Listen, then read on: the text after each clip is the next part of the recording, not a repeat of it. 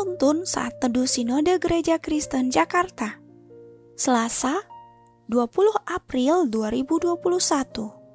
Judul renungan Ambisi. Nats Alkitab terambil di dalam kitab 2 Samuel pasal 14 ayat 25 sampai 26. Lalu 2 Samuel pasal 18 ayat 9 sampai 15. Di seluruh Israel tidak ada yang begitu banyak dipuji kecantikannya seperti Absalom. Dari telapak kakinya sampai ujung kepalanya tidak ada cacat padanya.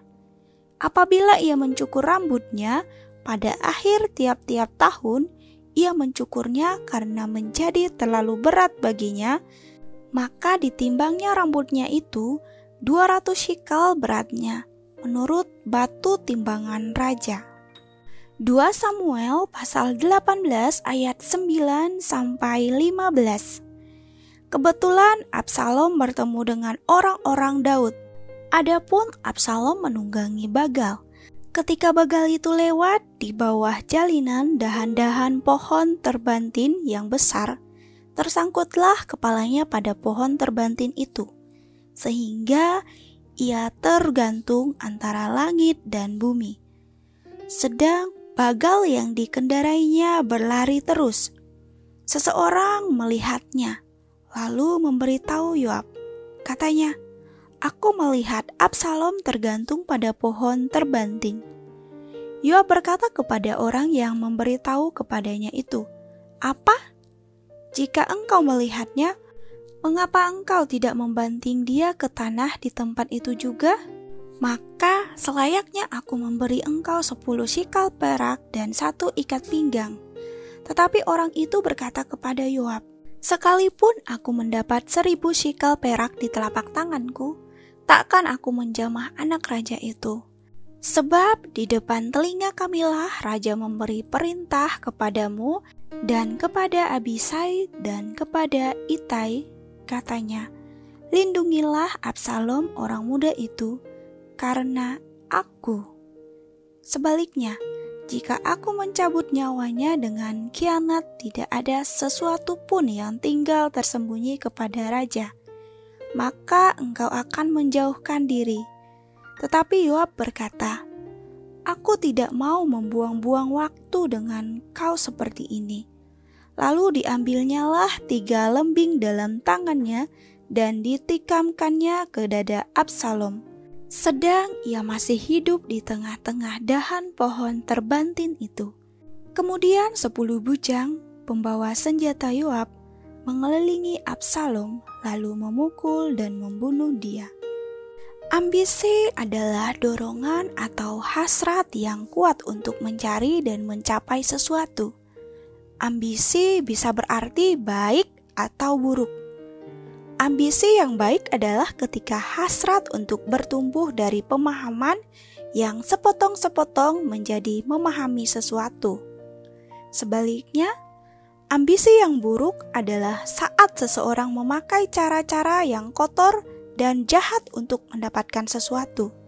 Contohnya adalah Macbeth, jenderal kerajaan Skotlandia. Ia membunuh Raja Duncan untuk meloloskan ambisinya menjadi raja. Padahal selama ini raja memperlakukannya dengan baik. Alkitab juga mengisahkan ambisi Absalom yang serupa dengan Macbeth. Absalom itu istimewa. 2 Samuel pasal 14 ayat 25 mencatat, di seluruh Israel tidak ada yang begitu banyak dipuji kecantikannya seperti Absalom. Dari telapak kaki hingga ujung kepalanya tidak ada cacat padanya. Dari banyaknya putra Raja Daud, Absalom adalah yang paling ambisius ingin menjadi raja. Maka mulailah Absalom kasak kusuk mencari dukungan. Ia memuji-muji dirinya, ia berkempanye dan mengumbar janji manis. 2 Samuel pasal 15 ayat 1 sampai 6. Empat tahun Absalom bersiasat untuk dipilih menjadi raja, namun tanpa hasil. Kemudian ia memakai strategi lain. Ia minta izin kepada Raja Daud untuk beribadah ke Hebron. Akan tetapi, ia berbohong karena sesungguhnya ia sedang menyiapkan pasukan untuk menyerang istana dan membunuh ayahnya Daud. Mendengar kabar tentang rencana kudeta, Daud mengalah dan mengungsi. Daud berjiwa besar. Harusnya bisa dengan mudah ia mengalahkan pemberontakan Absalom. Akan tetapi, ia rela mengungsi karena tidak ingin putranya terbunuh. Sebaliknya, Absalom merasa belum puas apabila ayahnya belum mati. Nahas, padahal hari Absalom berencana membunuh Daud, justru ia yang dibunuh oleh musuhnya.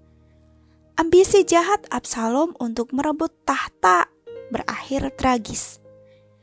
Ambisi adalah hasrat kuat yang bisa membangun atau menghancurkan. Ambisi Absalom dan Macbeth itu menghancurkan. Ambisi mereka berubah menjadi keserakahan dan kejahatan. Mereka bukan mengendalikan ambisi, tetapi dikendalikan ambisi. Jika kita punya ambisi, maka sampaikanlah itu kepada Tuhan.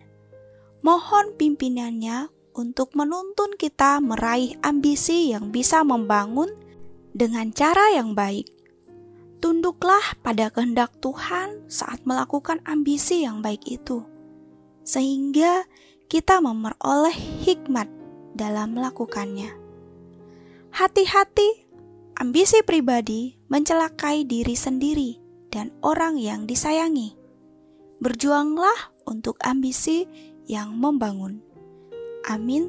Tuhan Yesus memberkati.